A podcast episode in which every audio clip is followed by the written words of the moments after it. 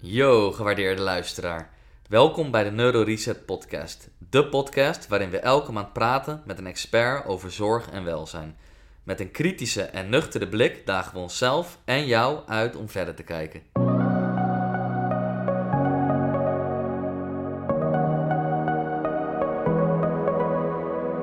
Welkom bij alweer de veertiende podcast van Neuroreset Fysiotherapie. Wij zijn gepassioneerde fysiotherapeuten met locaties in Bussum, Hoorn en in Hoofddorp. En in deze podcast hebben we het met Bart Pronk over de Wim Hof methode. Bart is al sinds 2005 officieel instructeur van de Wim Hof methode en heeft inmiddels al meer dan 8000 mensen de methode aangeleerd. Daarnaast heeft hij ook samen met Wim Hof drie keer een groep naar de top van de Kilimanjaro begeleid. Bart geeft tegenwoordig zelf lezingen en workshop en we wensen je heel veel luisterplezier met deze podcast. En oh ja, volg ons ook nog even op Instagram via neuroreset fysio. Veel luisterplezier.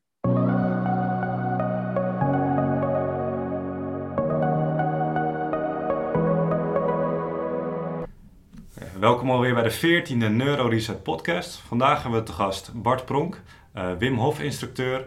En uh, ik ben heel benieuwd naar zijn, uh, naar zijn verhaal. Bart, zou jij jezelf kort willen introduceren allereerst? Ja, nee, je zei het eigenlijk net al goed. Ik ben Wim Hof instructeur. Ik woon in Amsterdam.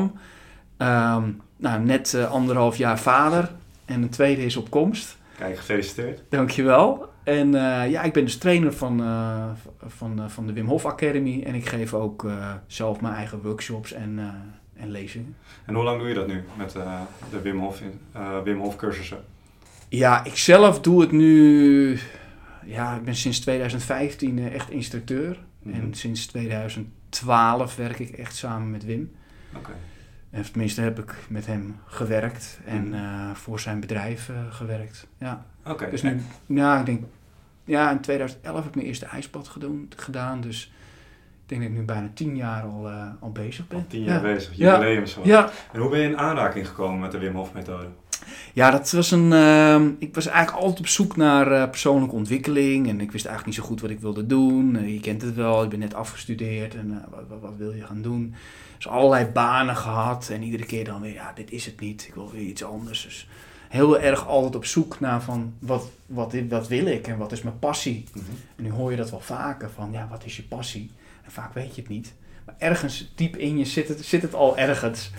En dat werd eigenlijk getriggerd toen een vriend van mij vroeg van... Uh, uh, wil je een Wim Hof workshop doen? Ja, en ik kende Wim wel van tv, van zijn 26 wereldrecords. En uh, ja, ik wist ook wel dat hij... hij wordt ook wel de Crazy Dutchman genoemd. Dus ik kende hem eigenlijk alleen daarvan. En niet zozeer van dat hij dus ook met wetenschap bezig was. En dat hij dus ook echt een methode had. Ja, ik vond dat op dat moment... 125 euro was het geloof ik. Ik vond het een hoop geld toch gegaan. En uh, ja, daar gingen echt uh, een paar luikjes open bij hoor. En wat was dan hetgene wat je over de streep trok? Die vriend of uh, dat het wetenschappelijk onderbouwd was? Nou, kijk, ik was, ik was best wel meegaand. Ik was naar Anthony Robbins geweest en grote sprekers. Oh. Dus ja, ik was wel gewend om ja, naar dingen te gaan waar ik iets van, van kon leren. En ook bij dit dacht ik van, ja, ik weet eigenlijk niet zo goed wat ik hiervan kan leren. Maar ik denk, als ik één ding kan leren, dan is dat meegenomen. Mm -hmm. Zo met die insteek ging ik er eigenlijk ook in. Ja. Nou, en toen uh, gingen we die ademhaling oefen, om, ademhalingsoefeningen doen. En ik was helemaal, ik dacht, wauw, dit is NLP, dit is persoonlijke ontwikkeling. Dit is uh, eigenlijk alles wat ik, wat ik naar op zoek was. Het raakte iets diep, diep van binnen. En ik dacht, ja, dit is het. En ik wist nou, op dat moment ook nog niet precies wat dat dan was. Mhm. Maar ik was heel erg uh, gegrepen daardoor. Ja, na zo'n ijsbad, uh, toen was ik helemaal verkocht. Toen dacht ik van, wauw, je kan echt...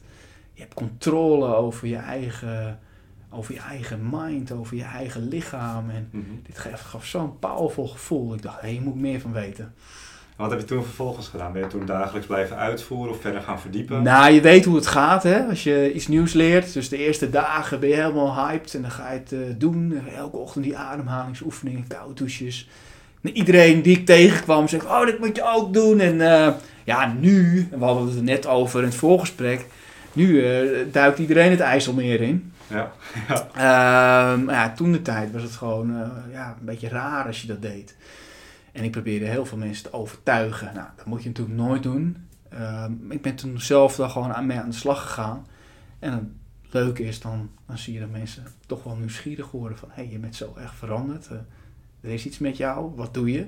Mhm. Wat is je geheim? Ja. En toen uh, ja, komen mensen toch wel uiteindelijk naar je toe. Dus uh, ja. En hoe reageerde de omgeving dan in eerste instantie? Ja, raar. Dus, dus dan kwam ik in ieder geval met, een, uh, met die ademhalingsoefening. Zo, ja, ik ga niet een ademhalingsoefening doen. Gaat prima zo, weet je wel. En de kou, ja, ik ga geen koude douche doen. Dat, uh, bekijk het even. Ja. ja, maar het geeft zo enorm veel kracht en energie. En je voelt je zo lekker daardoor. En uh, ja, mensen, ja, doe jij dat gewoon lekker. Doe je gewoon je eigen ding. Maakt niet uit. Ik, ik op een gegeven moment haakte ik ook een beetje af. Hè, dat is logisch. Totdat uh, ja, eigenlijk uh, die, die vrienden waar ik toen ook mee die workshop had gedaan, die hadden nog contact met uh, de organisatie van Wim. Nou, de organisatie was toen de tijd eigenlijk alleen zijn, zijn zoon, mm -hmm. dus die, de, de, de, manager. En ja, samen kwamen we eigenlijk tot de conclusie van we moeten een online training op gaan nemen.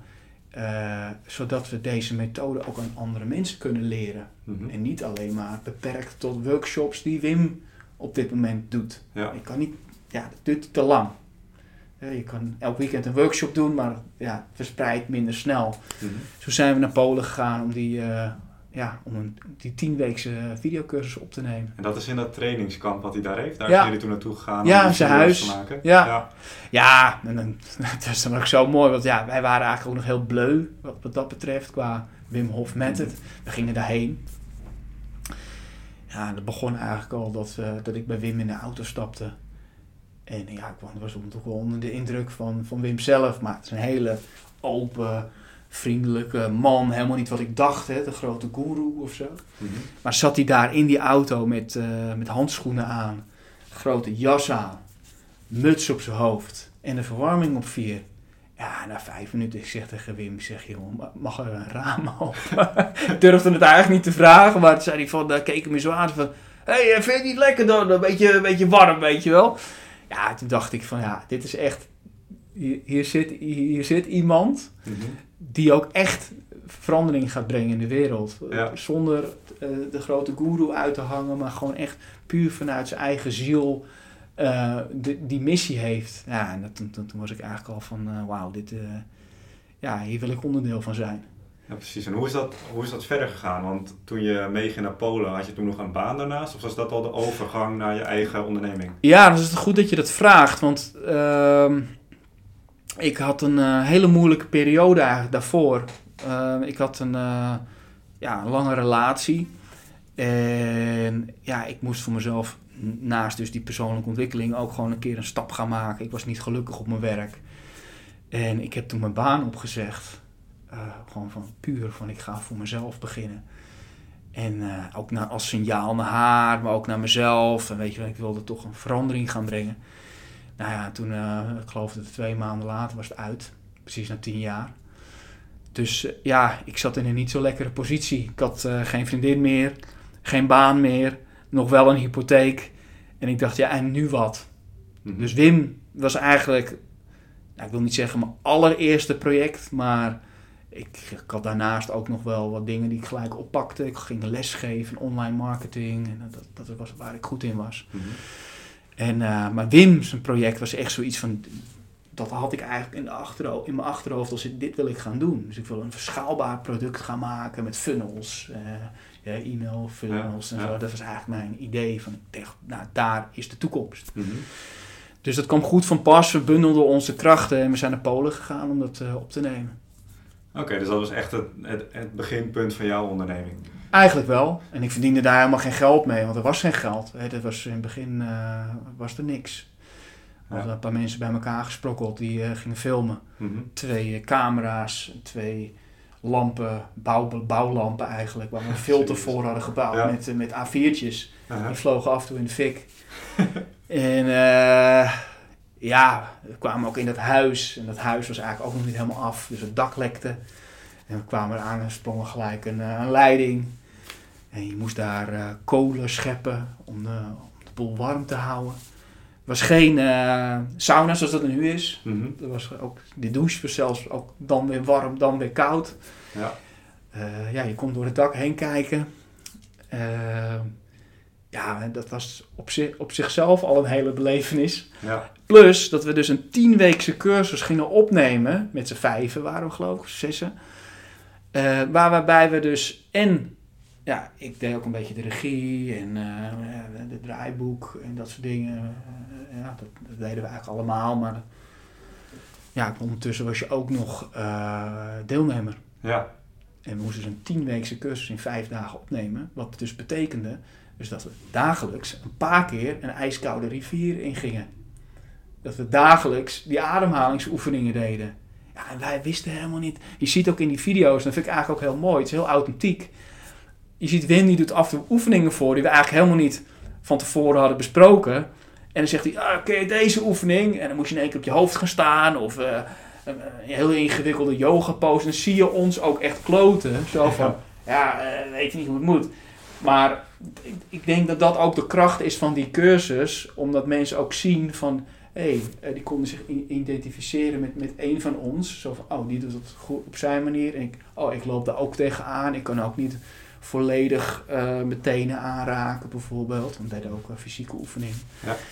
En ik denk dat juist, eh, ja, dat juist het hele mooie van die cursus was uiteindelijk. Dat het gewoon... Ja, ik denk het wel. Wat, want even voor de beeldvorming, hoe vaak heb je toen bijvoorbeeld een ijsbad gepakt voordat je naar Polen ging om Nou ja. video's te schieten? Toen dus, ja, één één keer. Oh, ja, Snap precies. je? Ik had wel koude douches gedaan, ik had die ademhalingsoefeningen wel gedaan. Maar de real life experience is altijd anders. Als je het in een groepsetting doet, je doet de ademhaling samen, er is muziek bij, iemand die het begeleidt. Ja, het is gewoon een complete andere ervaring. En dan heb je het over Polen, ja. hartje winter, Mhm. waar je dus echt met je blote voeten en je handdoekje bij zo'n rivier staat. ja. En, en een waterval waar het water stroomt, Mhm. waar sneeuw op de rotsjes ligt. eh, ja, en waar je dan een- daarin moet gaan stappen. Ja, dat is wel even anders dan een ijsbad. Ja, dat is echt wel anders inderdaad. En we hadden het er net al een beetje Ja. over. Ehm, je ziet ergens de switch dat ehm, ja, Wim meer stunts deed, nou dat echt een bedrijf is geworden. Is dat dan ook echt het begin geweest van eh, die video's en het online programma, dat het daar echt meer een bedrijf is geworden? Ja, zijn zoon die heeft eigenlijk, ehm, nou ja, vanuit, vanuit al de records die Wim had gedaan, kwam, kwam, kwam, eh, kwam onderzoek. En ja, toen werd het dus interessant. Want toen wilde Wim, die wil eigenlijk ja, ik wil dit ook aan mensen leren hoe ze dit kunnen doen. Hè? Dus dat ze in hun immuunsysteem kunnen onderdrukken, of nou onderdrukken, eh, in, in, in een sens. Ja. Ehm, daar sturing aan kan, kan geven. Mhm. En ja, zijn zoon die heeft het eigenlijk opgepakt om, eh, om daar een methode omheen te maken. Dus dat we de drie pilaren, dus ademhaling, kou en mindset, die drie pilaren, dat daar een methode om, oh, ja, dat, dat, dat dat de methode is. Mhm. En ehm, ja, daar zitten ook nog stretches bij, eh, meditatie, dat noemen we eigenlijk niet echt in die drie punten, maar die zitten, zitten daar natuurlijk ook gewoon Ja. in. Die zijn ook gewoon een vorm van focus. Ja. En ehm, ja, dat was wel nodig om het, eh, om het, om het ja, als product ook te kunnen aanbieden aan mensen. En noem het product, ik vind een product altijd heel, eh, heel raar klinken. Maar ja, dan is het wat behapbaarder voor mensen om te begrijpen. Ja. En dat ze ook weten van, oh, dit is het. Ja, ben ik wel echt benieuwd naar die... eh, En meer is het ook niet, hè? Dat is juist het mooie eraan. Ja, ja want ja, in principe is, kan iedereen, dat vind ik ook het mooie, het is heel praktisch, de, de tips die je meekrijgt van Wim. Daar moet ik ook wat dieper op inzoomen, Ja. eh, op, op die drie pijlers. Zullen we eerst bij het eerste beginnen? Kan je iets meer vertellen over die ademhalingsoefeningen? Eh, wat, wat is het nou eigenlijk en wat voor effect heeft het? Ja, nou, wat het is, het is eigenlijk gewoon een ademhalingsoefening. Je hebt duizenden ademhalingsoefeningen. Ehm, ja, wat je eigenlijk bij een ademhaling leert, is om de twee systemen aan te spreken. Dus eh, de rust en de actie. En dat wordt normaal autonoom geregeld in je lichaam. Hè? Dus op het moment dat je in fight-flight komt, ga je iets hoger ademhalen. Gaat je hartslag omhoog. Eh, en op het moment dat het gevaar weer geweken is, ga je eigenlijk weer meer rustig uitademen. En dan kom je wat meer in het rust en herstel. Ja. Wat je ook doet als je gaat slapen. Ja, precies. Nou, met die twee systemen spelen we eigenlijk met de Wim Hof ademhaling.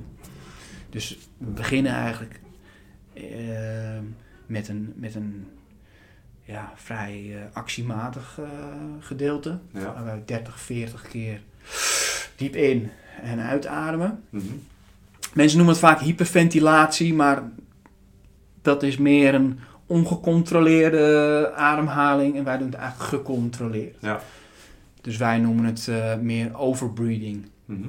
En dat is iets heel. eh, daarom is het ook. Dat is dus echt het verschil tussen hyperventilatie en. eh, Ja, je doet het heel gecontroleerd. ja. Kijk, hyperventilatie ontstaat eigenlijk uit een soort stressreactie. Mhm. en wij zoeken die stress eigenlijk bewust op. Ja. En dus, we, dus ze zien ook in de, in de onderzoeken dat er een adrenalinepiek eh, uiteindelijk eh, komt. Mhm. Die net zo hoog is als iemand die voor de eerste keer een bungee jump eh, doet. Nou ja, dat is natuurlijk bizar als je gewoon bedenkt dat je gewoon op de grond ligt. Ja. Nou, dan denk je gelijk van, ja, maar dat is toch stress en dat is toch niet goed voor je. Ja, dat klopt. Ik geloof niet dat je de hele dag in een stressvolle situatie moet zitten. Mhm. Want ja, stress is, is, is ontsteking. Ontsteking is ziekte uiteindelijk. Hè? Ja. Dat wil je niet. Maar we zoeken juist de extreem op. Dus we gaan zoeken die hoge, hoge piek op. Mhm. Maar vervolgens dan houden we de ademhaling in. Op uitademing. Ja. En dan zoek je juist weer de, de rust op. Oh, en dan kom je eigenlijk weer heel erg in die herstelfase. Gaat de hartslag omlaag. Leer het lichaam ook om efficiënter met zuurstof om te gaan. Want je komt eigenlijk in een situatie waarbij op een gegeven moment moet je weer ademhalen. Ja. Want je systeem, hè, dus CO2 gaat weer omhoog, die geeft eigenlijk die prikkel. Ja. Oh jee, je moet weer ademhalen. En dan gaan al die cellen, je haalt in, al die cellen die vullen zich weer met zuurstof. En dat, dan ontstaat er eigenlijk een soort reset van je systeem. Hormonale balans gaat weer beter werken. Je, je traint eigenlijk die vaatjes openen, eh, openen en sluiten. ja, want je voelt ook echt je vingers en je, je tenen tintelen. Ja, dus er gebeurt eigenlijk van alles. En, ja, en daarmee leer je het lichaam om meer gebalanceerd te zijn gedurende de dag. Dus zowel je hartslag, het openen en sluiten van je vaatjes, eh, de hormonale balans, eh, je pH-level, Mhm. wat, wat je er eigenlijk ook optimaal weer terugbrengt. Ja. Dus je balanceert het eigenlijk uit. Zodat je gedurende de dag, nou ja, je kan al bedenken als jouw hartslag eh, eh, eh, iets heftig klopt op een dag, dat, het, dat je al een stuk rustiger bent Ja, in het systeem. Ja. Dus wat als we dan praktisch bekijken, welke, welke voordelen hebben mensen eraan als ze die ademhalingsoefeningen uitvoeren? Wat kunnen ze gedurende de dag merken aan hun... Nou, in ieder geval meer rust. ja? Meer rust in het koppie. Ehm, een, een, ja, een gevoel van meer energie, creativiteit. Ehm, ja, dat is eigenlijk voor iedereen weer anders hoor. Maar ik denk dat, dat daar juist de elixir zit. Op het moment dat jij eh, hoog in je stress zit, ja, dan, gaat, dan, dan, dan werkt niks meer. Dan ben je niet meer creatief. Dan kan je niet meer eh, lekker ontspannen van je, van je familie genieten. Of, of, of van in, ja, je, je snapt wel wat ik bedoel. Ja, Dat blokkeert eigenlijk alles. Mhm. Dat remt je af. ja. Dus ja, ik denk dat daar eh, sommige mensen, ja, die gaan juist, eh, die voelen zich weer beter, die bijvoorbeeld last hebben van, van ontstekingen. Dan heb je het bijvoorbeeld over reuma. Daar hebben ze, heeft Innofire ook onderzoek naar gedaan. Eh, ja, die hebben minder klachten van ontstekingen, minder pijn. Ja, dan toch gooi je het echt meer op de gezondheid. Ja, ja. En op mentale vlak, hè, dus minder depressieve gedachten, beter slapen. Uh, ja, ik kan nog wel doorgaan, maar Ja. uiteindelijk zit het hem daar ook in. Ja. En het is niet per se dat dat dan de Wim Hof method dat dan per se doet. Mhm. Ik denk dat dat een, een, een, een hele grote basis is. Want ja, het belangrijkste is eigenlijk voeding, slapen, uh, beweging. Ja, Ik zeker. denk dat dat eigenlijk de drie uh, grootste pilaren zijn. Mhm. Nou, dan hebben we nog, uh, nog ademhalen. Natuurlijk, vergeet die even niet. Ja, Anders, anders is je leven wat korter. ja. Ehm, maar ja, weet je, en ik denk dat je dat uiteindelijk op orde hebt. En ik vind wel dat de Wim Hof methode, in mijn, ook in mijn opinie, dat je het heel erg bewust maakt van het leven. Mhm. En dat je daardoor ook gezonder gaat eten. Het zet een soort cirkel in gang. ja, inderdaad. weet Ja, je, dus, dus als je één ding doet, dan Mhm. volgt het andere. Precies, ja, En eigenlijk denk- gooi je hele, je hele levensstijl eigenlijk een beetje... Ja, dus ik denk dat dit gewoon de basis is. Dan heb je Mhm. eh, kou en hitte. eh want we vergeten de hitte vaak. Maar Ja. ook die extremen zoeken we niet meer op, omdat we Ja. altijd kleding aan hebben. Precies, En Ja. beschermen ons altijd. We zitten in de auto met 20 graden. Je staat op 20 graden. En Mhm. altijd kleren aan. ja. En ook daar zit het natuurlijk Mhm. Een hele grote kracht. Ja, ja.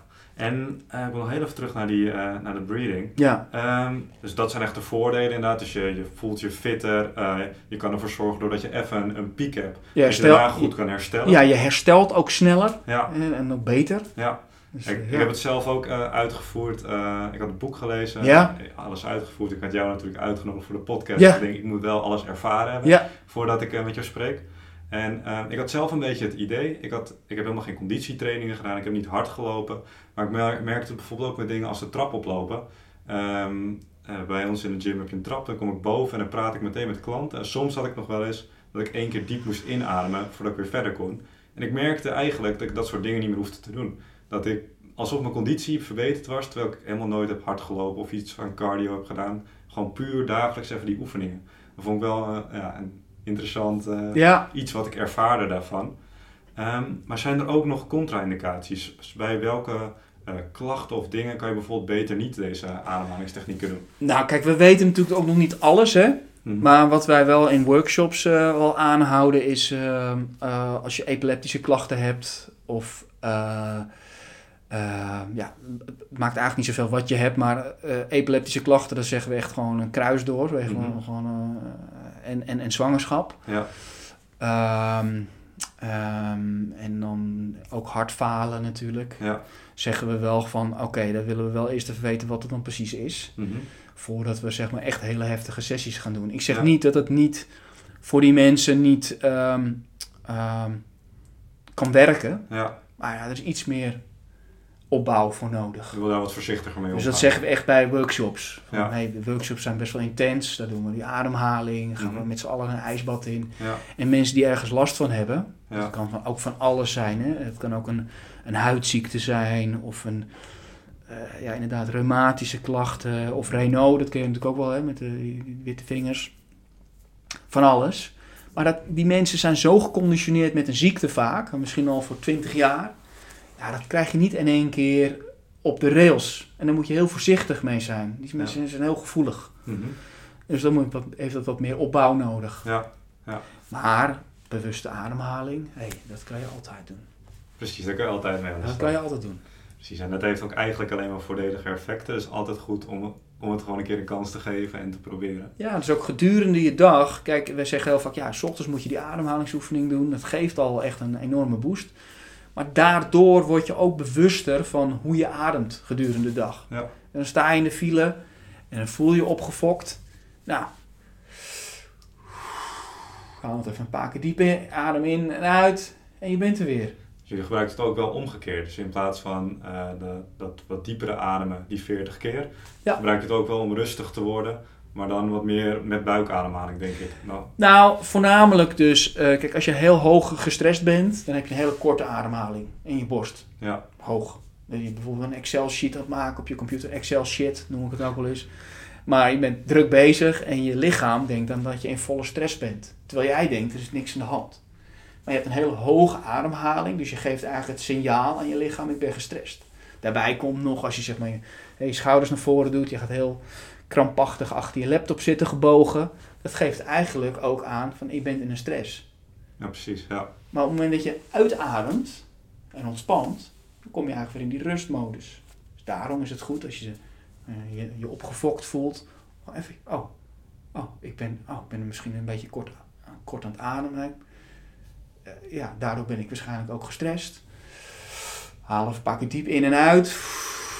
En dan focus je voornamelijk op de uitademing. Ja, dan merk je eigenlijk gelijk al dat het wegzakt. Dat je meteen weer in dat rustige principe komt. En het Ja. is niet zo dat ik nooit opgefokt ben hoor, echt niet. Wel, ik kan ook eh, hoog daarin komen, maar ik ben er wel wat bewuster van. Dus dan denk ik wel van, oh ja, oké, nu eh eventjes, eventjes gas terug, letterlijk. Ja, oké, ja, dat duidelijk. Ja. En ehm, eh, cold exercise, wat wordt daar precies mee, mee bedoeld? Wat, wat zijn de principes daarin? Ja, nou, eh, heel vaak is de focus ook volledig op het ijs. Zo van, oeh, dat is cool. En dan krijgen we een hoop, eh, hoop, eh, op likes op Instagram. Wat natuurlijk ook gewoon zo is. Hè. Het is natuurlijk gewoon ook cool. Ja, zeker. Ja, maar de, de kou heeft heel veel voordelen, zo zowel op fysiek vlak als wel als mentaal vlak. Ehm, fysiek vlak, je hebt 125.000 kilometer aan hele kleine vaatjes in je lichaam. 100.000, 125.000. Nou, dat is, staat bijna gelijk aan 2,5 keer de wereld rond. Het zit allemaal in je lichaam. Nou, die zorgen voor de bloedtoevoer natuurlijk, voor de hormonale eh, stofjes te verplaatsen en voornamelijk ook zuurstof te verplaatsen via je bloed. En ehm, ja, op het moment dat die eigenlijk een beetje slap zijn, je kan je voorstellen als jij naar de gym gaat, dan doe je om je biceps sterker te maken en groter te maken. Die zijn getraind, die zijn sterk. Ja? Als je Ja. je spieren Ja. aanspant, dan voel je dat. Mhm. Maar die spiertjes, die zijn eigenlijk ook een beetje slap geworden. Omdat we het niet meer, daarmee, eh, niet meer in aanraking komen met, eh, met hitte, maar ook niet met kou. Gebruiken het vertel- eigenlijk vertelde het eigenlijk net al, dus het wordt eigenlijk een beetje slapjes. Ja, Nou, op het moment dat je dat sterker maakt, dat is natuurlijk kou is daar een ideale tool voor. Ja joh, wil je niet weten wat er dan gebeurt. Want je hart die moet heel erg zijn best doen om alles rond te pompen. Maar je aders zelf helpen natuurlijk ook mee. En als die sterker zijn, hé, dan is die bloodflow beter. Nou, wat gebeurt met een betere bloodflow? Zuurstof komt, op, eh, komt beter op de plekken waar je het nodig hebt. Ook in de hersenen bijvoorbeeld. En omdat je hart ook eh, langzamer klopt, dan voel je je eigenlijk ook wel wat meer, eh, meer relaxed. Ja. Snap je? Dus er zijn nog veel meer voordelen. Ehm, maar wij gebruiken het eigenlijk ook tijdens workshops eigenlijk voornamelijk als eh, tool om je adem te gebruiken in een stressvolle situatie. Nou, het is geen grotere stressvolle situatie dan in een ijsbad zitten. Hè? Dus op het moment dat je in een ijsbad gaat, leren wij dus opnieuw van... Oké, er is stress. Je lichaam herkent dit als stress, eh, als gevaar zelfs. Je, zegt, nou, alles, alle zeilen wijzen, ga eruit. Niet doen. Dit is gevaarlijk. Dit is gevaarlijk. En wij leren mensen eigenlijk van, heb vertrouwen op je ademhaling. Ik legde het net eigenlijk al uit. In staat eigenlijk voor actie, uit voor, voor eh, ontspanning. Wij leren ze eigenlijk van, als je in zo'n situatie komt, om meer de focus te hebben op je uitademing. Zodat je eigenlijk het signaal geeft naar je hersenen van, hé, hey, het is oké. Ik kan dit. En dus eigenlijk wil je, dan, wil je dan wat sneller inademen en wat langzamer uit? Eigenlijk wil je Nee, het is gewoon heel diep. Je haalt gewoon dieper adem. Dus Ja. ik zeg altijd door je neus in. Dus meer gecontroleerd. Dus in het begin krijg je Ja. Met die shock in het begin. diep in. Door je neus. Lang uitademen. Schouders ontspannen. En dan alsnog gaan er heel veel alarmbellen af. Je voelt duizenden naalden in je lichaam prikken. Je, vooral je handen en je voeten. Ga je Klopt, ja. voel je. Maar dan is het dus de kunst om erop te vertrouwen. Dat je kan vertrouwen op jezelf, op je ademhaling. En dat er eigenlijk niet zo heel veel gebeurt. Hè, dus dat dat je ook naar binnen moet gaan. En je moet focussen op waar je nu mee bezig bent. Er is geen morgen, er is geen gisteren. Er is alleen nu. Ja. En dat is eigenlijk een hele mooie, mooie tool wat je kan gebruiken ook in je dagelijks leven. Weet je wel? Er gebeurt van alles om je heen. Maar wat gebeurt er nou als je een keer gewoon even naar binnen gaat en dat allemaal gewoon even laat voor wat het is? Ja, dat zegt Wim ook altijd heel mooi, toch? Van, eh, mocht je met wat, eh, tenminste wat ik in zijn boek las, hij heeft het een en ander meegemaakt, bijvoorbeeld overleden van zijn vrouw. En zegt, op het moment dat je in de kou bezig bent en puur aan het focussen bent op, eh, op je eigen systemen in je lichaam, dan heb je helemaal geen tijd om, om daaraan te denken. Of dan heb je geen tijd om aan je vervelende werkgever te denken. Of aan andere vervelende dingen. Nee, Dan kun je gewoon puur focussen op je eigen lichaam. Dat is precies wat het is. En dan ga je ook voelen. Dan ga je ook, je, je, je wordt wat sensitiever voor je, voor je, voor, ja, voor je fysiek. Mhm. En ook voor mentaal. Je gaat opeens allerlei dingen voelen. Wauw, weet je wel. Dan komt het komt allemaal binnen. Mhm. Het heeft heel veel verschillende lagen, maar wij gebruiken het dus om controle te krijgen over dus dat stemmetje in je hoofd en eh, die stressdingen. dingen. Mhm. ja, ik denk dat het eh, tegenwoordig eh, eh, nu eigenlijk eh, echt belangrijk is. En je ziet ook steeds meer Ja. mensen nu naar binnen gaan, omdat er heel veel externe prikkels wegvallen door alle maatregelen en zo. Ja, er zijn cafés zijn dicht, eh bioscopen zijn dicht. eh, ja, dan word je in één keer op jezelf eh, aangewezen. Ja, Je mag steeds minder contact. Ja, en contact is iets wat we, wat we nodig hebben. Maar dan gaan mensen nu gaan naar binnen. En op zich is dat ook wel weer mooi om te zien dat mensen steeds meer bewust worden. Nou, dat leren we ook met het ijsbad. En na 90 seconden ongeveer eh, is er, gaat er een heel proces eh, van, van, van stressreceptoren gaan aan. En eh, cortisol en adrenaline en zo, dat spoelt allemaal door je, door je lichaam heen. En na 90 seconden is dat eigenlijk weer weg. Oké.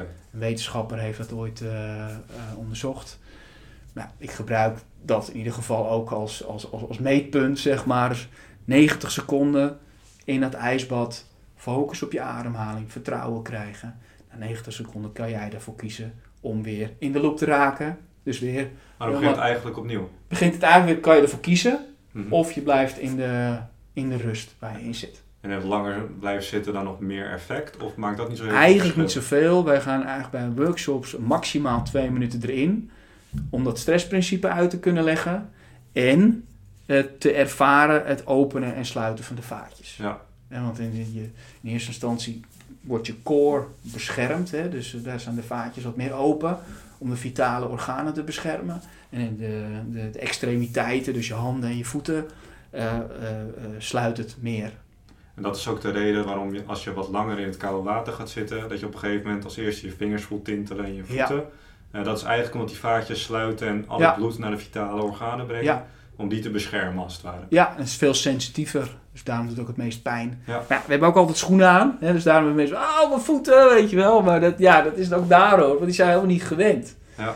En dan hebben we uit het ijsbad, ik heb nog niet eens die drie fases genoemd, maar waar ik voor wil waarschuwen ook naar mensen toe, van focus je eens wat meer op het herstel. In plaats van het ijsbad zelf en kijk eens hoe cool ik ben. Want in het herstel, daar zit het echte, eh, eh, het echte ijsbad, wil ik zeggen, weet je wel. Daar moet je in je focus blijven en je wil eigenlijk zo snel mogelijk weer eh, normaal kunnen functioneren. Wat adviseer je dan? Of, of kun je die fases doornemen dan? Ja, dat is goed. Ja, je hebt fase 1, dat is eigenlijk je voorbereiding. Dus je, wij in workshops doen we eerst altijd die ademhaling. Daar word je al lekker ontspannen van en rustig in je hoofd.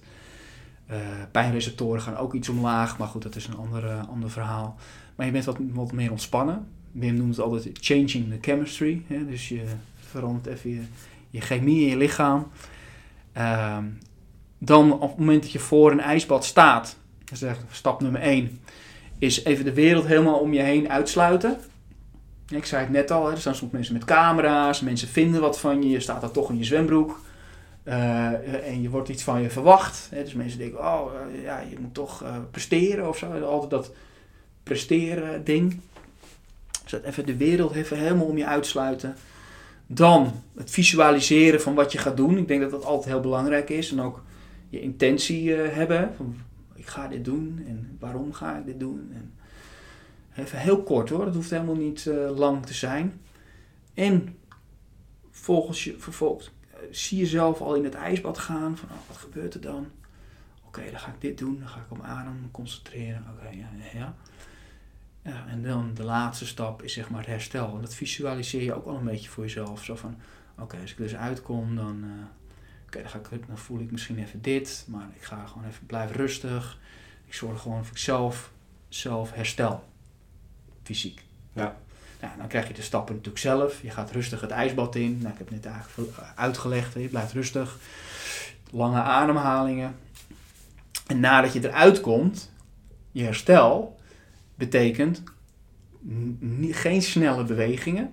Want die kleine vaatjes in de extremiteiten, dus je handen en je voeten, die moeten eigenlijk heel langzaam open gaan. Natuurlijk. Ja, op een natuurlijke manier, zodat uiteindelijk de, de relatief koude bloed, hè, want het is iets kouder dan hier, Ja. eh, weer terugstroomt in je koor. Ja, dat circuleert, dat is gewoon je bloedcirculatie. Dus dat gaat, komt langzaam weer terug. Maar als je dat te snel opent, hè, dus je gaat bijvoorbeeld eh, heel hard push-ups lopen doen of zo, eh, dan gaat het te snel. En als je dan ook nog eens een keer heel lang in een ijsbad bent geweest, ja, als het te snel gaat, dan koelt je koortemperatuur te snel af. En dan ga je rillen en dan kan je zelfs helemaal eh, onderkoeld raken, zeg maar. Oké. Dus we zetten eigenlijk twee dingen. Dus langzame bewegingen maken. Wij doen dan de hè. Dat Ja. kunnen mensen, kunnen mensen wel opzoeken. Dat is een leuke oefening. Ehm, langzame bewegingen en niet direct externe hitte opzoeken. Dus niet gelijk, hup, de sauna in of hup, kleren aan of eh, een warme auto in. Dan gaat het proces te snel. Dus ook gewoon eigenlijk weer eh, accepteren en nog steeds in die focus blijven. In de focus blijven. Niet gelijk gaan celebrate van oh, ik heb het gedaan, hup, leven gaat weer door. Nee, je moet even echt de tijd nemen. Dat is eigenlijk gewoon het grootste onderdeel van het ijsbad, is herstel. En hoe lang duurt het ongeveer? Ja, of- zeg je van, Nou ja, dat, dat, dat is dus voor iedereen anders. Kijk, bij twee minuten hoef je niet eh, een uur te herstellen. Nee, dat, is, eh, dat geloof ik niet. Maar ook zelfs, zelfs, zelfs dan kan voor sommige mensen iets te lang zijn. Dus we zeggen altijd eh, graduele opbouw. Dus met het koude douchen. Begin gewoon met warme douche. Eindig met 10 seconden. bouw dat een week op. Doe dat gewoon. En doe de week daarna probeer hem ietsjes langer te doen, weet je wel. Net zolang tot je een volledig koude douche kan doen. Ja. Want je moet gewoon wel even wennen. Mhm. En zit met het herstel. Kijk, als ik nu ongetraind iemand eh, gelijk 20 minuten in een ijsbad ga doen, wat overigens helemaal geen extra voordelen heeft voor, eh, voor je lichaam. Twee minuten is lang zat. Het gaat eigenlijk om, het, om die sterker maken van die vaatjes. Maar eh, ja, het, het, het, is gewoon niet, niet oké als je daarna drie, vier uur lang zit, eh, zit, zit, zit te klappertanden. Nee, precies. En, en, en of dus ook zelfs nog onderkoeld kan raken. Ja, want je kerntemperatuur kan te ver dalen inderdaad als je En- te lang eh, En als, dat, dingen gaat doen. en als dat te hard gaat, dan is dat visuele cirkel, circle down, zeg maar, omlaag. Dan- En dan moet je gewoon in het ziekenhuis en dan eh, alle zeilen bij bijzetten. Ja, precies. Ja, nu weten we dus hoe we dat heel veilig kunnen gaan doen. Ja. En ehm, nou, we zijn hem dan een paar keer in een ijsbad bijvoorbeeld geweest. Ehm, maar wat zijn de voordelen? Wat, wat, wat merk ik in het dagelijks leven als ik af en toe een, een koude douche pak of een ijsbad pak? Nou, in ieder geval onwijs veel energie. Ik merk zelf ook wel als ik onder een warme douche vandaan stap, dat ik denk, hé, ik mis iets of zo. Eh, Ik voel me bijna vies. En dan ga ik er nog een keer onder en dan, wap, weet je. Dus het, is eigenlijk, het werkt eigenlijk als, eh, als drie bakken koffie. Zo zeg ik het dan altijd. Eh, het is ook echt zo. Je bent gelijk helemaal aan. Eh, ja, en dat, dat, dat, dat gaat zelfs een beetje, dat wordt een beetje op een gegeven moment een beetje verslavend zelfs. Hè? Dus dat je ernaar verlangt, dus met hardlopen. En eh, ja, ook weer, ik denk dat het heel goed is om voor jezelf ook een beetje de weerstand op te zoeken. Dus dat je eigenlijk iets doet waar je tegenop kijkt. Dat je denkt, nou, daar heb ik eigenlijk geen zin in. Ja. Dus dat geeft ook een, een, een overwinningsgevoel. Mentaal ook. Ja, mentaal, maar ook fysiek. Van ik heb het toch weer even gedaan. Hè. Ze, ze, je hebt volgens mij zo'n boek dat heet van eh, Eat the Frog First of zo. Dat je, als je wakker wordt, dat je eerst eigenlijk dingen gaat doen die je niet zo leuk vindt. En als je daar helemaal doorheen bent, dan ah, bam, heb ik even gedaan. En dan de, ga je gewoon dingen doen waar je, die je wel leuk vindt. Ehm, want anders blijft het altijd een beetje eh, in je achterhoofd zitten. Dus En de dingen als het, eh, als het bijvoorbeeld het immuunsysteem, want het schijnt ook je immuunsysteem te boosten. Ja, zeker. En hoe, weet je hoe dat ongeveer, eh, of hoe dat kan? Dat je doordat je blootstelt aan kou, dat je immuunsysteem beter werkt? Nou, ik, ik, ik legde het net eigenlijk al uit. Hè? Dus je cardiovasculaire systeem, dus die 125.000 kilometer aan vaatjes, als je dat al traint, nou ja, dan gaat alles beter werken. Mhm. En ehm, ja, in combinatie met de ademhaling, dat hebben ze ook ook gezien bij de Radboud Universiteit, dan ga je ontsteking, eh, je krijgt meer ontstekingsremmende stofjes. Ehm, waardoor je dus minder last hebt van ontstekingen uiteindelijk en dus ook, dus ook minder pijn. Ja. Dus in, in, in, in een sens zit daar natuurlijk het kwaad. Hè? Want eh, eh, chronische stress is uiteindelijk goed voor ontsteking. En te veel ontstekingen kan leiden tot auto-immuunziektes. Omdat je lichaam eh, uit balans is. En eigenlijk je eigen lichaam gaat aanvallen. Ja. Weet je wel? Dus, dus, dus wij zien het wel altijd als combinatie. Ze zijn nu ook aan het on- onderzoeken de ademhaling los en de kou los. eh, maar ik denk dat de drie pilaren, en dan vooral eh, de mindset, dat is eigenlijk het cement tussen de, tussen de blokken. Drie, drie samen, die zijn gewoon echt mega powerful. De combinatie van die drie, dat zorgt ervoor dat je je immuunsysteem Ja. kan, eh, onder andere kan boosten. inderdaad. En ehm, nou, stel je voor, mensen willen graag of nu in deze temperatuur een duik nemen in het IJsselmeer of Ja. een ijsbad nemen. Eh, wat adviseer jij om dat op te bouwen? Zou je zeggen van ga eerst eh, dagelijks bijvoorbeeld 30 seconden douchen in een minuut? Wat, welke opbouw zou je maken daar naartoe?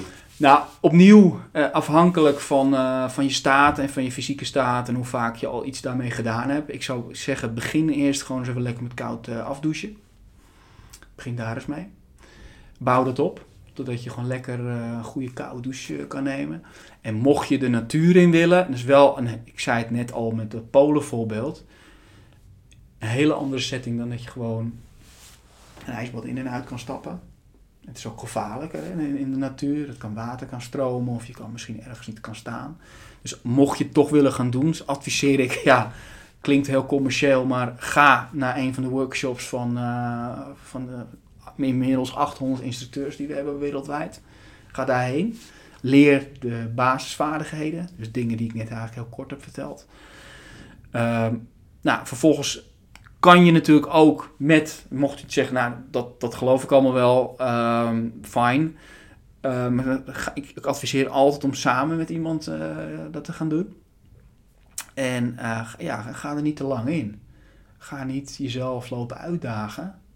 Zorg dat je goed voorbereid bent. Dus dat je kleren bij je hebt. Dat je je handdoekje gewoon allemaal uit je tas pakt. Nou, ik heb nog wel meer. honderd van dat soort tips. Maar zorg dat je het rustig opbouwt. Ja, en, en, ga niet gek lopen doen met selfie sticks en uh, GoPro's op je hoofd. Dat komt, dat komt allemaal wel een keer. Maar ga, ga eerst gewoon eens langzaam dat opbouwen. Dus focus op het herstel. En kijken, kijken. Ik ga er even in. Oké, ik ga eruit. Hoe lang duurt het voordat ik herstel? Nou, het kan ook elke dag anders zijn. Maar op een gegeven moment kan je veel beter die switch maken op gevoel. Van oké, blijkbaar... Het is nu tijd om eruit te gaan dan weet ik, oké, ik kan straks nog herstellen. Ja. En als dat goed voelt, nou, dan kan je misschien ook zeggen, nou, misschien ga ik nog een keer erin. Weet je Dan doe je een paar dipjes. Maar opnieuw, ook onthoud altijd, kost ook heel veel energie. Ja, zeker. Het geeft heel veel energie, maar het kost ook heel veel energie, want het is wel gewoon een workout. En nogmaals, anderhalf à twee minuten is lang genoeg. Zeker in het begin. Ja. Oké, duidelijk. En um, Um, wat zijn ook weer bijvoorbeeld de, de contra-indicaties? Wanneer zeg je van joh, uh, mij dat uh, koude water nog heel even, of ga eerst naar een specialist, zoals bij mij. Ja. Um, welke, ja, welke contra-indicaties zijn er weer? Um, Om ervoor te zorgen dat mensen dit zo veilig mogelijk kunnen doen. even je vraag kwijt hoor, je nog eens stellen? En dus wanneer uh, zeg je van uh, uh, ga, ga het koude water nog niet in? Bij welke aandoeningen bijvoorbeeld? Of als, bijvoorbeeld als je een zwak hart hebt? Of wanneer zeg je van doe het even onder begeleiding van bijvoorbeeld mij? Ja, nee, dat, dat, dat is helemaal afhankelijk inderdaad per persoon. Um, ja, ik denk altijd als je zelf twijfelt, ga in ieder geval even naar een dokter. Ik kan dat niet altijd bepalen op afstand. Um, nou ja, en als je, als je echt denkt van ja, ik heb, ik heb last van mijn hart of uh, ik heb eerder iets meegemaakt, ja, dan ga dat, vraag dat in ieder geval eerst eventjes een advies voordat je dat ook gaat doen. Ja. Dus uh, ja, dat is het. Oké. En je leert natuurlijk heel erg met, die, uh, met dat koud afdouchen en bijvoorbeeld het koude water ingaan. Dat kou ook niet per se gevaarlijk is als je er goed mee omgaat, toch? Als ik het goed begreep van Wim Hof's boek. Dat het niet gevaarlijk is? Ja, dat het niet gevaarlijk hoeft te zijn. We zien kou uh, eerst heel erg als gevaar. Maar dat eigenlijk door deze methodes dat je het niet meer als, uh, als gevaarlijk hoeft te zien. Nee, het is, het, het is, een, uh, het is een, echt een kracht. Je kan er heel veel kracht uithalen. Ik zit net al op mentale vlak en op fysiek vlak haal je daar onwijs veel uit. Het is, ja, het is, het is wat dat betreft een fantastische tool. Maar juist ook om die kracht kan het ook gevaarlijk zijn. Het kan ook tegen je werken. Hè, ik, ik heb een paar keer een berg beklommen in korte broek. Ja, uh, de natuur is uiteindelijk de baas. Als er een, een sneeuwstorm kwam en we liepen daar met een groep van uh, met 60 man in Polen. Ja, dan moest je soms wel echt de beslissing nemen, we gaan terug. Terwijl het ego van heel veel mensen zegt van, ja nee, we willen die top behalen. Maar ja, ik heb al een paar keer gezien dat binnen een minuut weer zo kan omslaan dat de berg gewoon altijd tijd de baas is. De natuur is de baas. Dus daar moet je ook naar luisteren. En uh, ja, we kunnen natuurlijk spelen met de kou, maar wel altijd wel uh, bewust en niet heel raar gaan doen. Ik, ik had bijvoorbeeld ook een verhaal als een, als een man in Bulgarije. Die claimde ook Wim Hof instructeur te zijn, dat hij helemaal niet is. Maar dat terzijde. Maar die ging op oud en nieuw ging hij in zijn eentje een, eh, een berg beklimmen in korte broek. Met temperaturen onder nul. En hij wist dat daar een huis was. Maar ja, op dat moment was dat uh, huis was dicht. Want er was een, uh, een oud nieuwsparty uh, voor alleen genodigden. En die maakte heel veel lawaai. En die hoorde niet dat hij op de deur aan het kloppen was. En die, die is half onderkoeld van die, van die berg afgehaald. Ja, dat soort dingen. Ja, ga er verantwoord mee om. Ja, joh, je ziet nu ook mensen onder het ijs doorzwemmen. Ook al is het een heel dun laagje ijs. Weet je, dan komen ze met hun, met hun hoofdbrekers dan het ijs. Nou, super cool. Maar ja, wel heel gevaarlijk. En onderschat dat gewoon niet. Ja, precies. Neem altijd de veiligheid in acht. Ja. Wim heeft al, al zijn wereldrecords. Dan kan je zeggen wat je ervan vindt. Van wow, extreem. Maar waren wel altijd helemaal ge gecontroleerd. Er waren altijd mensen omheen. Er waren altijd medics aanwezig. Uh, weet je wel, die, die hem konden, konden helpen om als er iets mis zou gaan. Ja. Dus ja. Oké. Okay. En als we dan... Uh weer naar het volgende level gaan, zeg maar. Want jullie hebben bijvoorbeeld ook trainingskampen in Polen. In ja. het, uh, bij het trainingsinstituut van Wim Hof. Ja. Kan je ons eens mee uh, daar naartoe nemen? Wat, uh, wat, wat doen jullie daar precies? Ja, nou, Polen, dat is echt de Champions League van, van alle Wim Hof activiteiten, denk ik. Mede omdat het daar voor Wim ook wel voor een gedeelte begonnen is. Hij heeft daar ooit een huis gekocht en het was altijd zijn droom om daar, ja, daar af en toe heen te kunnen gaan. Dus hij heeft daar een huis gekocht. En uh, ja, in het begin waren dat uh, groepen van denk ik uh, 8, 15 man of zo. Nou, heel intiem, allemaal in het huis. Het krakkemikkige huis. Het is nu helemaal verbouwd trouwens, het ziet er super mooi uit. Um, ja, dat is dan eigenlijk een, een, een journey van vijf dagen, waar mensen dus alle elementen leren. Maar wat daar gebeurt, jongen, het is echt magisch. Het is echt... In het begin waren het allemaal uh, voornamelijk beetje ja, Nederlanders in een midlife. Weet je, mensen van ja, ik wil aan mijn gezondheid werken of ik weet het allemaal niet meer. En, uh, en op een gegeven moment dat het, dat, ja, dat, dat, Wim doorbrak in Amerika. Toen kwamen ook in één keer uh, allemaal fitte Amerikanen van 18 en van 25 en, en ook oudere mensen, maar ook uit India, uit Nieuw-Zeeland, uit Canada, uh, Zweden. Ja, uit, alle windhoeken kwamen in één keer mensen van allerlei verschillende leeftijden. Maar ik had het net over die magie die we in het begin dus hadden met die kleine clubjes van ja, door dagelijks, s ochtends die ademhaling te doen, smiddags een koude challenge te doen, is dat chest buiten lopen of inderdaad zo'n waterval een paar keer per dag. Jongen, er gebeuren dingen met mensen. Dat is echt. Hè, mensen gaan weer helemaal open, konden beter connecten met zichzelf. Tranen kwamen eruit, blijdschap kwam eruit. En vriendschappen voor het leven. Nou, en nu met de jaren zijn die groepen natuurlijk steeds groter geworden.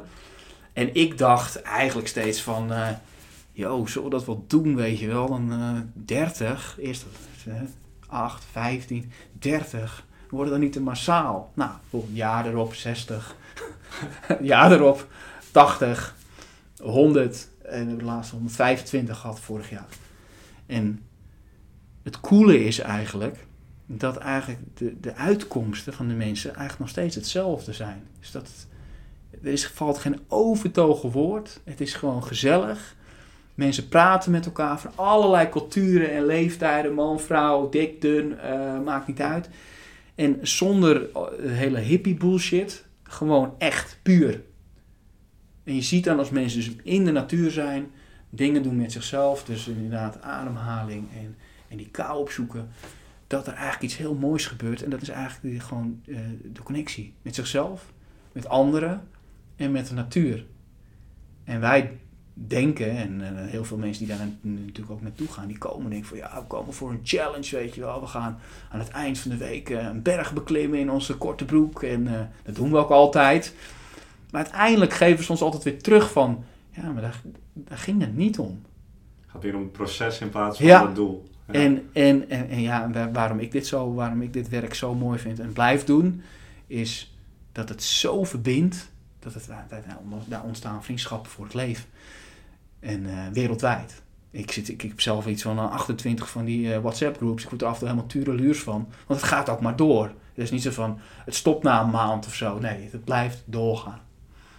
Ja, ik vind dat, het doet echt iets met mensen. En, en, in het begin denk je nog van, ja, vinden ze het wel leuk? Of hebben ze er echt iets aan? Maar ja, telkens weer die testimonials, die verhalen van mensen. De een die, ja, die, die, die, die, die, die stopt met roken, bij wijze van. De ander die, eh, die, die, die heeft in een depressie gezeten, voelt zich helemaal het mannetje en zegt zijn baan op en, eh, eh, en wordt verliefd op iemand. Weet je wel, dat soort, dat soort verhalen hoor je constant. Van mensen die het leven weer vastpakken. Het heeft echt mensen hun leven veranderd inderdaad. Ja, heel veel. Ja. Heel En, veel. En dat zeg ik nu niet om het te promoten of om te zeggen, oh ga erheen of zo. Nee, het is echt, het is echt bijzonder. Ja, en dan hebben jullie, eh, volgens mij is het nog bijzonderder gedaan, de Kilimanjaro. Ja, Jij hebt hem ook drie keer beklommen in je ja klopt. volgens Ja. mij. ja, klopt. Ja, ja, ja, ja. Kan je daar iets meer over vertellen? Hoe, hoe is dat ontstaan en eh, ja, hoe ging dat? Hoe ging die weg daar naartoe? Nou, Wim heeft zelf al een keer, had hij al een keer de Kilimanjaro beklommen. Eh, en in anderhalve dag geloof ik. Hij heeft natuurlijk ook Mount Everest beklommen. Maar Kilimanjaro ook. En hij kwam in één keer op het idee, dat was denk ik in 2013. Kwam in één keer op het idee van, eh, eh, ik ga het weer doen. Maar nu ga neem ik mensen mee die dus ook eh, ziek zijn of zwak zijn. En en we gaan, dat, we gaan gewoon die, die, Kilimanjaro beklimmen. En niet in vijf tot zeven dagen, wat normaal daarvoor staat, om te acclimatiseren op zo'n berg. Maar we gaan het doen in, in drie dagen. En in korte broek. dus toen hij dat zei, en uh, dat was het moment op die, op die in, in Polen. Van, this year we, we climb Mount Snizka, next year we do Kilimanjaro, and the year after we do Mount Everest. Ja, toen dacht ik van ja, dit, dit, is leuk, maar dat ga ik niet doen. Maar toch overgehaald. En ik was een van die 26 mensen die ja, een half jaar getraind hebben daarvoor. Hoogte-experts verklaren ons compleet voor gek. En ja, het is gevaarlijk, jullie kunnen doodgaan en doe het niet. En nou, we deden het wel. En uiteindelijk hebben we het niet gehaald in drie dagen, maar 48 uur. Ja, bizar. En ja. hoe gaat die voorbereiding, dat half jaar? Wat moesten jullie allemaal doen? Nou, ja, het was eigenlijk voornamelijk individuele training. Waar wij dus gewoon vol die ademhalingsoefeningen gaan doen s ochtends. Is ook een hele goede om je voor te bereiden op hoogte. Want je wordt efficiënter met het gebruik van zuurstof. Nou, dat heb je daar nodig, want er is minder zuurstof. Ehm, en natuurlijk ook de koude, dus opzoeken. Dus... En hadden we vier of vijf keer dat we echt met de groep samenkwamen. Om bijvoorbeeld in de duinen. Ja, we hebben geen berg in Nederland. Dus dan gingen we in de duinen gingen we lopen met de groep. In korte broek. Het zag er natuurlijk niet uit. Weet je wel. Ik ben één keer met de oudste van de groep. Die is 65. Ja, inmiddels wat ouder. Maar uh, die was toen 65 geloof ik. Zijn we een keer met z'n tweeën gegaan. Elke naar de duinen. En dan loop ik dus met zo'n... Uh, met, ja, met alle respect een oude man en ik zo'n jong gozertje liepen met z'n tweeën in onze zwembroek door de duinen heen. Dat ziet er natuurlijk heel raar uit. Nu zou het misschien iets meer geaccepteerd worden, maar dat is gewoon We spreken nu ook over zes jaar geleden ongeveer, toch? Ja, dat was in 2013 dat we gingen trainen. Oh, nog langer. En met die groep gingen we dan ook de zee in. En we zijn drie dagen naar drie landenpunt geweest. Uh, bij België uh, daar. Limburg uh, gingen we elke dag 30 kilometer lopen. Dus we hebben ook veel gelopen. Dat is ook onderdeel van de training. Maar ik denk dat uh, 80% of zo, dat zat gewoon echt tussen de oren. Gewoon visualiseren, de hele leven. Ja, met zo'n groep ging dat natuurlijk geweldig. We waren allemaal een soort boost. Ja. Maar ja, een paar maanden ervoor, toen sloop toch al de angst erin. Want je kan je voorstellen dat er waren mannen thuis die hadden, of er waren mannen die hadden thuis een vriendin die was zwanger. Uh, ik merkte het zelf ook. Mijn familie begon ook te zeggen van ja, zou je dat wel doen? Want het is toch echt gevaarlijk. Weet je, je kan doodgaan. En is nog nooit eerder gedaan. Uh, jullie zijn helemaal geen, geen bergbeklimmers. Uh, Kilimanjaro, met, je hoeft daar niet echt te klimmen, maar het is, het is toch wel behoorlijk intensief. Dus ja, toen sloop toch de twijfel ook wel in de groep. En er was zelfs nog een moment dat uh, ja, er een soort stemming kwam van gaan we het wel in drie dagen doen? Gaan we het niet in vier dagen gaan doen? En ja, Wim vond dat natuurlijk helemaal niks. Want ja, hadden we ook, en ik ook eigenlijk niet, want we hadden ons daarop gefocust. Ja, en vier dagen, ja, sorry, maar dat is, ligt te dicht bij die vijf tot zeven dagen die er normaal voor staat. Dus ja, toch gelukkig hadden we wel ja, toch een soort overeenkomst gesloten met z'n allen. Van ja, we gaan gewoon voor die drie dagen. Maar als het dan niet lukt, is vier dagen ook goed. Nou, ik heb, kon daar wel vrede mee hebben, weet je wel. Ik vind altijd, je moet altijd voor alles voor plan A gaan. Je moet eigenlijk geen plan B hebben. ja. Maar ehm, nee, toch, eh, ja, toch gedaan. En hoe, is dat, hoe ging dat toen? Dan eh, staan jullie aan het begin van die berg. En kan je ons een beetje meenemen in dat verhaal die top? Ja, het is eigenlijk heel idioot. Want je, ja, je, je, het is daar natuurlijk bloedheet. Het is gewoon, je bent daar gewoon in, eh, in Afrika. En eh, ja, alles wat daaromheen gebeurt, al die dragers, die Afrikanen, die zijn natuurlijk ook een beetje gek, weet je wel. Van hele vrolijke, enthousiaste mensen. En die moesten natuurlijk keihard lachen dat wij zeiden dat we het in drie dagen gingen doen. En ze moesten nog veel harder lachen dat wij ook nog zeiden, we gaan het in korte broek doen. Want jij zeiden, ja, ze dachten echt, wie zijn jullie, weet je wel? Die zijn niet goed. Die hele hilariteit, dat was al eh, heel indrukwekkend. Maar ook bijvoorbeeld dat we hoorden dat de dag daarvoor een Fransman was overleden op die berg. Dus opnieuw krijg je dan wel weer even een tikkie van... hey, shit, het, is, het, het lijkt hier heel warm en vertrouwd. En ja, yes, we gaan die berg op. Maar ja, dat komt toch wel dichtbij. Ehm, ja, heel kort, we zijn die berg beklommen en heb je eigenlijk verschillende fases. Dus je begint eigenlijk in de jungle. Dan zie je zoals aapjes en, dingen. Dus dan loop je daar in je korte broek en je blote borst. En denk je, ja, eh, dit is eigenlijk wel lekker zo, hè. Maar hoe verder je komt, hoe hoger je komt, hoe minder vegetatie er is. Dus er gaat steeds, meer steeds minder planten, het wordt wat meer grassig. En ook op de eerste dag al, waar we zeven uur hadden gelopen, ja, dan wordt het eigenlijk best wel kaal. En toen begon het ook te regenen. En ehm, een windje te komen. Ja, toen voelde ik hem wel al komen hoor. Toen dacht ik van oeh, dit is dus een berg. Weet je? Nou, toen werd het echt serieus. Toen Toen werd het echt toen werd het wel serieus. En eh, na een heel moment dat toen gebeurde, waren twee regenbogen die verschenen. En ja, dat was een soort symbool voor ons van, eh, wauw, twee regenbogen, weet je wel. En de regenboog staat voor hoop, hè. Dus ik dacht, wauw, er is hoop. en eh, nou, we, we overnachten daar. We deden daar ook de ademhalingsoefeningen, hè. Dus eh, de, de, de echte oefening zelf. Tijdens het lopen toch? Gewoon? Tijdens het lopen deden we meer heel bewust ademhalen. Dus eh, gewoon heel diep in. En, en niet te veel kletsen. Gewoon, ja, dat gebeurde natuurlijk ook wel. Maar dat is dan meer om je saturatie op peil te houden op dat moment toch? Ja, Ja. ja. heel goed. Het is je, je bloedsaturatie. Dus dat er genoeg zuurstof in het bloed is. Want het gaat omlaag, ook hoe hoger je komt. En tijdens de, de overnachting hebben we, voordat we naar bed gingen, hebben we de ademhalingsoefening samen gedaan. We hebben onze wekker gezet. Hebben we de ademhaling gedaan. Een uurtje of zo, een half uurtje. En ook 's ochtends weer. Zodat we in ieder geval in dezelfde Ja. dat was eigenlijk het geheim van de hele missie.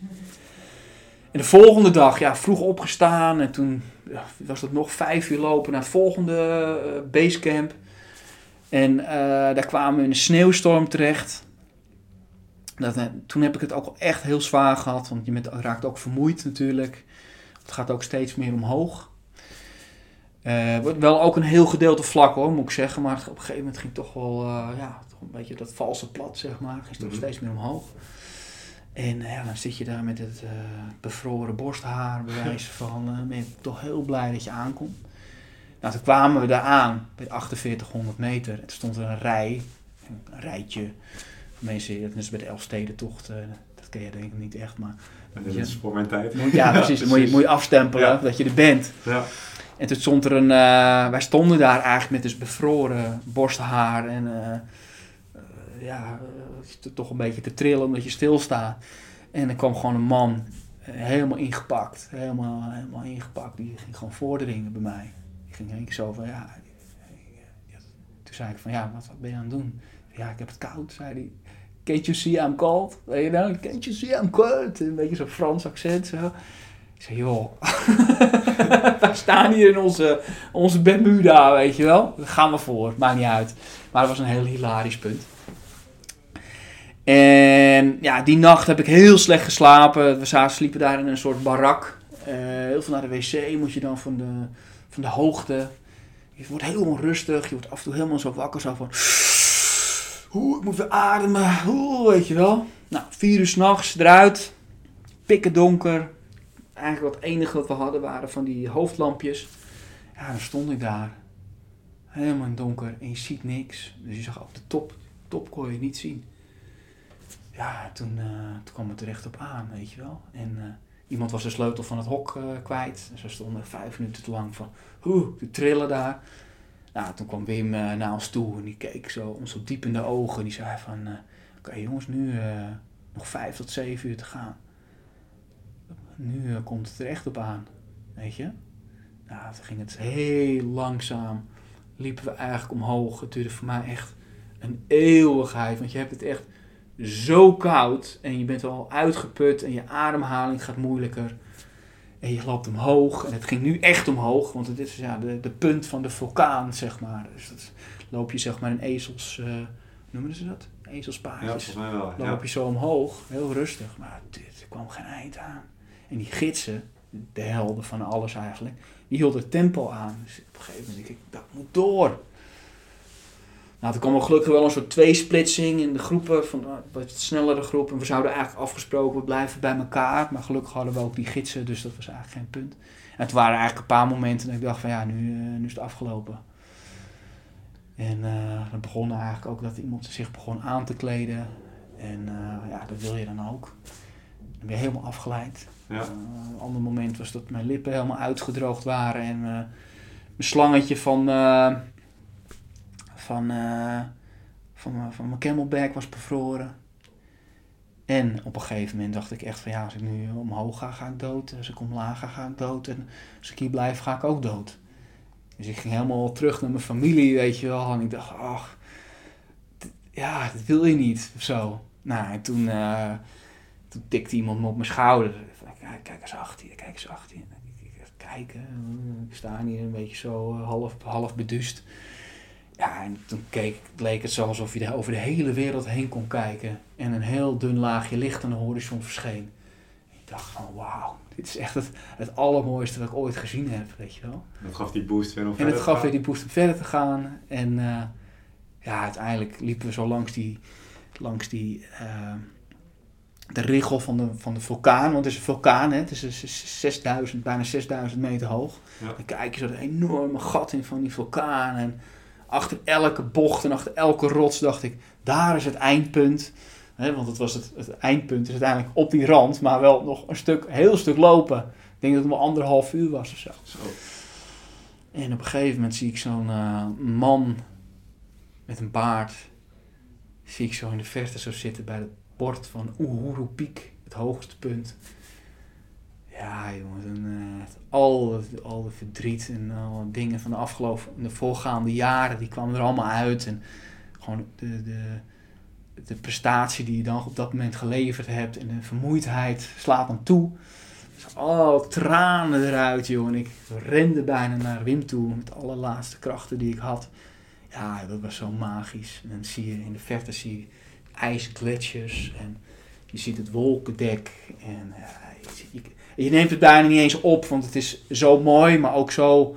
Je bent zo in een soort, eh, hoe noem je dat? In een soort, soort kokon. Je, je- maakt het eigenlijk niet eens mee. Snel een foto maken natuurlijk voor Facebook, hè, voor de likes. Ja, precies. Eh, nou, groepsfoto gemaakt en toen stortte ik eigenlijk helemaal in. Want ik had eigenlijk alles gegeven, maar ik vergat eigenlijk op mijn focus te hebben op de terugweg. Dus eh, ik ben hier hè, bij de podcast, maar het was wel heel heftig. Toch weer die focus achteraf. hè. Ja. Na, na het doel. Ja, De, het maar we kwamen er eigenlijk achter en ik, ik ontdekte eigenlijk ook bij mezelf van, eh, van ja, als je naar je hart luistert en daarin gelooft en echt, echt, echt ergens voor gaat, dan ben je eigenlijk tot veel meer in staat dan je denkt. Ondanks dat iedereen zegt van, dit kan niet, dat moet je niet doen en niks voor jou en waarom ga je met, eh, met al die gekke mensen mee en eh, waarom zoek je die aandacht zo op. En je krijgt natuurlijk van alles naar je hoofd geslingerd. Ook hele leuke dingen natuurlijk. Maar ja, mensen zijn gewoon. eh, die, die, die, die hebben gewoon ook het beste met je voor. Ze Mhm. willen ook gewoon niet dat je doodgaat. Ja, dat precies. zich, op zich ook logisch. Maar ja, luister naar je hart. Doe wat het ingeeft. En maak die beslissing, ondanks dat je denkt van eh miljoen dingen kunnen gebeuren. En uiteindelijk dan eh, ja, haal je toch.